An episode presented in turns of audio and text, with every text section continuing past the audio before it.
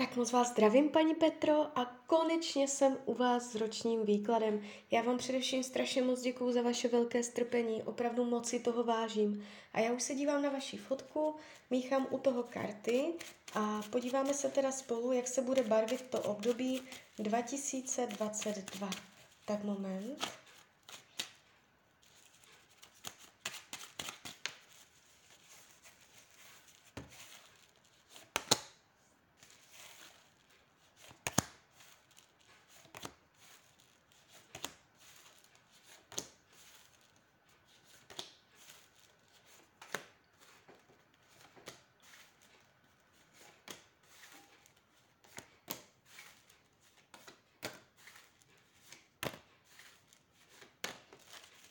Tak už to bude.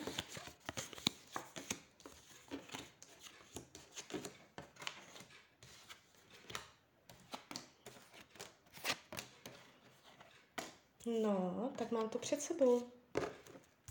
Vy jste mě dala dokonce i hodinu narození, tak to je super. Já teď budu pěkně porovnávat uh, solární horoskop uh, s tarotem. Co se tady jakoby nejvíc ukazuje, nejvíc zvýrazňuje, tak je oblast rodinného kruhu. A uh, je tady určitý stín. Takže to znamená, že v té rodině mm, bude docházet k určitým nepříjemnostem, které uh, se vám nebudou úplně líbit. Je tady jakoby, ozve se karma. Je to něco s karmou, ozve se, um, stanou se takové věci, které vás budou dráždit, které vám budou vadit, které, bude to zkouška, bude to lekce, uh, jak jste schopná, ochotná věci připustit, jak jste schopná se s věcmi v rodině vypořádat, Jo, můžete uh, cítit určité nemožnosti nebo um, omezení, co se týče vašich kompetencí v rodině. Je to tu takové jako zamezující, že uh, nebude možné něco dělat, ale jenom přihlížet. Uh, bude to, uh, bude to jakoby větší téma tohoto roku. A vyloženě to jde z karmy. Ozvou se nějaké stíny, a budete mít na druhou stranu skvělou příležitost um, to očistit, vypořádat se s tím, přijmout to správně, vzít to za dobrý konec a nějak se s tím popasovat. Takže je to výzva, je to výzva. Uh, co se týče financí, já ještě hodím další karty.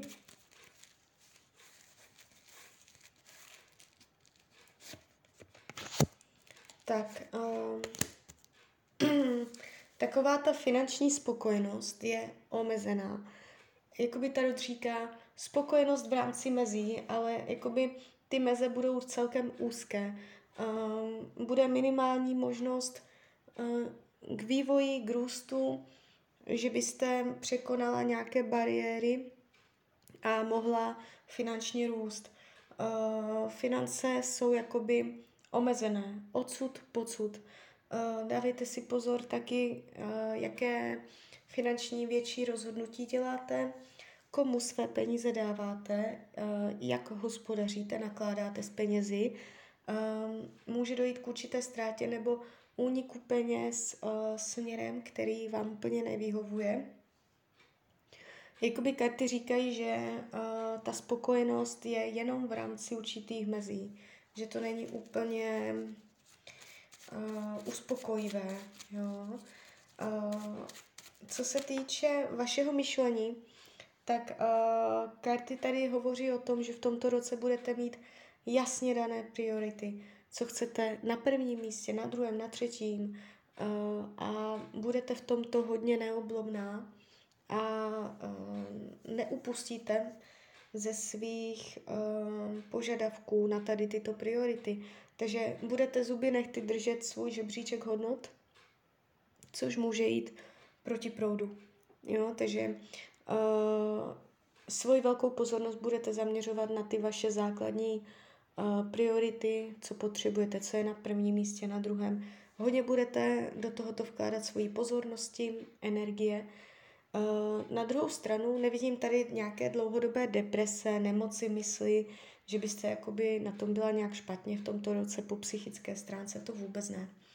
Uh, co se týče volného času, um, je tady jakoby nemožnost rozšíření se, jsou tady uh, tendence být aktivní, angažovat se volnočasově do určitých oblastí. Vám to půjde, budete v tom dobrá, šikovná, ale zase je to v rámci mezí, bude to omezené, budete chtít víc, než bude uh, možné. Uh, je tady chuť nějaké volnočasové aktivity, činnosti, může to být produktivní, může to být uh, prospěšné, není tu tady jenom sedě, sezení na gauču. Je tady vaše velká chuť, jakoby ambice volnočasové nějak se angažovat, ale jde to tak jako, jde to jenom v určitých hranicích, jo. Uh, máte mantinely. Uh, nepustí vás to jakoby dál. Uh, co se týče zdraví, tady je všechno v pořádku, tady nevidím zásadní problém. Jestliže jsou zdravotní nepříjemnosti, v tomto roce dojde k zásadnímu zlepšení, ne vyléčení, nabídne se nové řešení. Jestliže nejsou, ani nebudou. Co se týče partnerských vztahů, um, jestliže partnera máte, budete ho mít i nadále a uh, bude to někdo, na koho se můžete spolehnout, může pomáhat i s financema a bude pro vás jakoby každodenní záležitostí, že ho budete často výdat, může pomáhat s prací nebo ulevovat od práce, ukazuje se jako opora. Jo? Jestliže máte krize, hádky, je to hrozné, může dojít k určitému vyladění, nebo tam převýší ta hodnota, že se na něho můžete spolehnout, když na to dojde. Jestliže partnera nemáte, tomto roce s vysokou pravděpodobností se někdo objeví, vyšší pravděpodobnost uh, zemského znamení, uh, ukazuje se solidně, prakticky, do života použitelně uh, a ještě je dost možné, že to bude někdo z práce. Jo? To, se, to se tady jako vyloženě ukazuje. Jo? Uh, nebo s tou prací bude mít něco společného. Jo, takže nějakým způsobem bude propojený s, se zaměstnáním. No, takže ta uh, partnerská oblast bude zajímavá, nudit se nebudete. Budete v tomto roce procházet určitou změnou. Jo? To, to partnerství vám nabídne cestu ven z určité nesnadnosti. Jo? Uh, co se týče učení duše, nebrat si toho na sebe tolik, uvolnit břemeno, Eh, nechat věci, aby se děly plynule sami sebou a nezasahovat do toho. Jo, prostě jako říct si, tohle unesu, ale tohle už ne. Jo, prostě ne všechno brát na svoje bedra a prostě pak to hrnout před sebou zuby nechty. Prostě to není cesta a ubližujete tím sama sobě. Takže umět sama sobě polevovat, být sama k sobě více citlivá a uh, nechtít od sebe, od svého těla uh, zbytečně um, vysílení. Co se práce týče, tady uh, ta práce ta je výrazná, je tady výrazná. Uh, může dojít do, dokonce ke změnám. Já se na to podívám ještě blíž.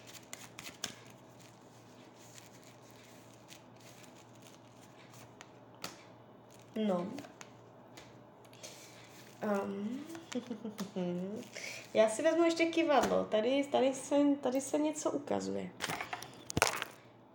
Já se zeptám, jestli, jestli změníte práci v roce 2022. Je tady v tomto roce změna práce? Změna? No, tak kivadlo potvrzuje. Vy odejdete z práce. Říká mě to jak tarot, říká mě to kivadlo, a solární horoskop taky tomu nasvědčuje, takže já to vidím ze třech různých zdrojů. No, eh, ten odchod nebude úplně pro vás jednoduchý.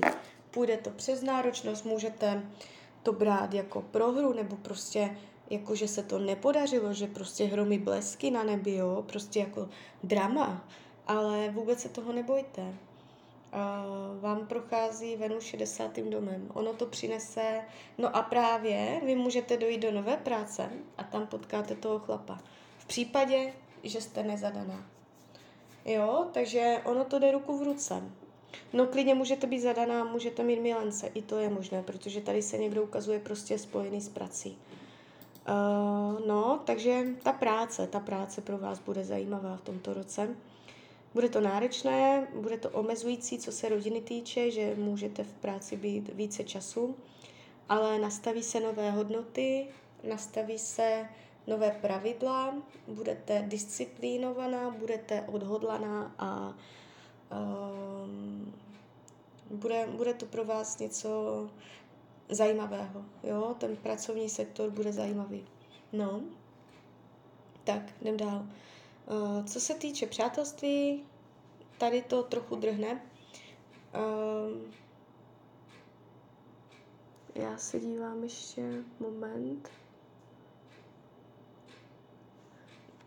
Je tady určitě jakoby uh, neschopnost být s přáteli tolik času, kolik byste chtěla. Můžete ladit termíny, může to být nahodilé, jo, že třeba dohodnete se a prostě nedotáhnete to do konce, vždycky se potkáte jenom na chvilku. Jsou tady myšlenky na kolektiv, na lidi, na společnost, chtít být součástí týmu, uh, úplně to nepůjde, jo, takže opět v rámci nějakých mezí. Uh, takže tak.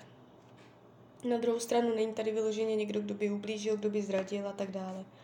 Eh, co se týče věcí skrytých, potlačovaných, eh, touha po nové etapě života.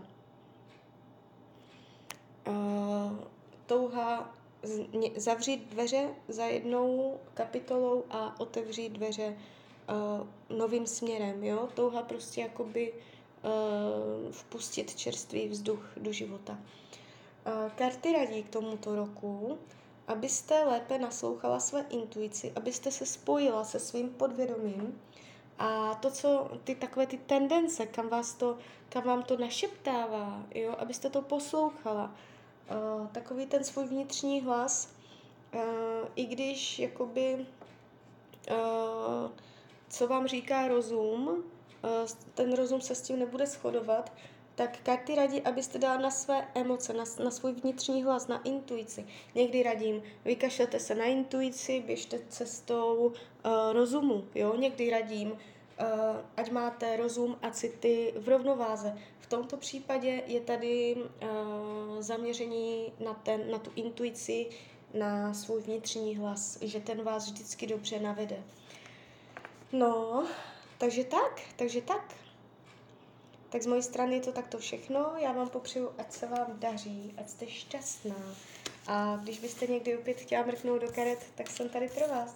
Tak ahoj, Rania.